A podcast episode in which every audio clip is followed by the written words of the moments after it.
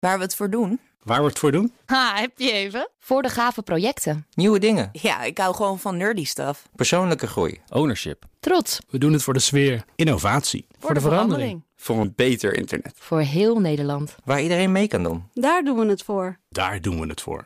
Waar doe jij het voor? Kom werken voor KPN en groei op jouw manier. Check de actuele vacatures op het gebied van data, security, development en networking op jobs.kpn.com/tech. Wetenschap vandaag. Bacteriën gebruiken sluwe trucjes om ons lichaam en onze medicijnen te slim af te zijn.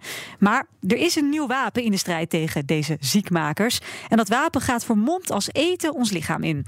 Carlijn Meinders is onze wetenschapsredacteur. Goedemiddag Carlijn. Anina. Heeft um, uh, dit ook iets te maken met bacteriële resistentie? Zeker, dat is uh, natuurlijk een van de grote zorgen van het moment. Steeds meer bacteriën zijn resistent tegen de antibiotica die we gebruiken. Daarnaast wordt ook nog verwacht dat het aantal mensen dat een infectieziekte krijgt gaat toenemen. En dus zijn wetenschappers al een tijdje heel erg druk met het vinden van middelen waar ziekmakende bacteriën geen trucjes voor hebben en waar ze niet of moeilijk resistent tegen kunnen worden. Nee, en lukt dat? Ja, er zijn zeker hoopgevende alternatieven. Um, onderzoeker Han van het Klooster vertelt meer over een nieuw middel dat wordt ontwikkeld door een bedrijf waarmee hij samenwerkt. De oude middelen werken hoofdzakelijk in de cel. Dus die moeten opgenomen worden, moeten uiteindelijk ook in de bacterie komen die gedood moet worden. Nou, dat zijn twee hele belangrijke en niet altijd even makkelijke stappen.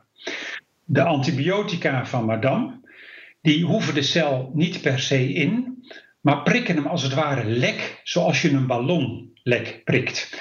Nou, dat is niet alleen snel, maar ook bijzonder effectief. Want het betekent gewoon dat de bacterie doodgaat. Nou, dat is dus uiteindelijk wat je wilt, want daarmee bestrijd je de infectie. En daar kunnen ze dan dus niet resistent tegen worden? Daar krijgen die bacteriën eigenlijk niet eens de kans voor. En normaal gesproken nemen bacteriën het middel op en wapenen ze zich er vervolgens tegen. Als ze het nog een keer tegenkomen, dan zijn ze uh, voorbereid. In dit geval wordt het antibioticum niet opgenomen en wordt de bacterie ook nog eens geprikt. Ja. Uh, betekent uh, dit, dat het middel altijd en overal voor iedereen werkt en dat bacteriën helemaal kansloos zijn, dat, dat weet ik niet. Maar het wordt ze wel gigantisch moeilijk gemaakt. Het zou wel mooi zijn natuurlijk. Zeker. Ja. Maar waar wachten we dan nog op? Ja, nou uh, waren er ook nog wel wat uitdagingen met dit nieuwe middel. Nu, veel antibiotica wordt nu ingespoten. Daarvoor moeten de meeste mensen naar het ziekenhuis.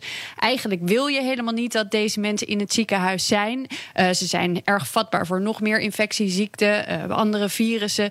Um, en andersom kunnen zij weer mensen besmetten. Daarnaast kost het veel geld ja. als je opgenomen moet worden. Maar als je wilt dat dit thuis zou kunnen, dan moet het geen prik, maar iets als een pilletje zijn. En daar stapte het bedrijf van van het klooster zelf in. Pharmaceutics heeft een technologie ontwikkeld die medicijnen op voedsel laat lijken. Dat gebeurt door uh, chemisch een voedselgroep te koppelen aan in dit geval het antibioticum. Uh, door het koppelen van die voedselgroep herkent de darmwand dat als voedsel, neemt het naar binnen in de bloedbaan en eenmaal in de bloedbaan wordt dat voedselgroepje wordt afgekoppeld, meestal door enzymen wordt afgekoppeld, waardoor het, in dit geval het antibioticum uh, vrijkomt in de bloedbaan en uh, nogmaals bijzonder effectief zijn werk kan doen tegen bacteriën. Ja, dus als ik het een beetje probeer te visualiseren, dan zie ik een ja. pilletje dat, uh, dat zich hijst in een boterhampak of zo.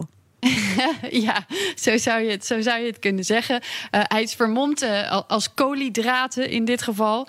En uh, daardoor gaat het dus zonder problemen door de maag naar de darmen en dan door de wand bloedbaan in. Zou je dat niet doen, dat vermommen, dan zou het afgebroken worden voor het ooit de bloedbaan bereikt. En nou is het mooie dat dit trucje niet alleen voor antibiotica zou moeten werken, maar ook voor andere middelen. Dus daar uh, kijken deze twee bedrijven ook gezamenlijk naar. Ja, en je zegt bedrijven, dus zij verdienen hier ook aan. Ja, nou, uh, er is in ieder geval heel veel geld nodig om zoiets te ontwikkelen. Nou zijn dit uh, de makers en gaan ze het straks zelf niet verkopen. Uh, en naar eigen zeggen zijn ze ook echt vooral geïnteresseerd in het ontwikkelen van een techniek die mensen kan helpen. Ook met het idee dat dit voor veel ontwikkelingslanden een hele belangrijke ontwikkeling kan zijn. Zeker op plekken waar je niet even naar het ziekenhuis kan voor een infuus of een prik. Dus als het middel uiteindelijk op de markt komt, dan zal deze doelgroep ook zeker, zeg maar, daar zou zeker rekening mee gaan gehouden worden, benadrukte van het klooster. En daarom praten ze nu al bijvoorbeeld met partijen als de WHO. Mooi. Dankjewel, Carlijn. Bij BNR ben je altijd als eerste op de hoogte van het laatste nieuws. Luister dagelijks live via internet. Bas van Werven. En heel langzaam komt de zon op rond dit tijdstip. Je krijgt inzicht in de dag die komt op BNR, het Binnenhof in Nederland en de rest van de wereld. De Ochtendspits. Voor de beste start van je werkdag. Blijf scherp en mis niets.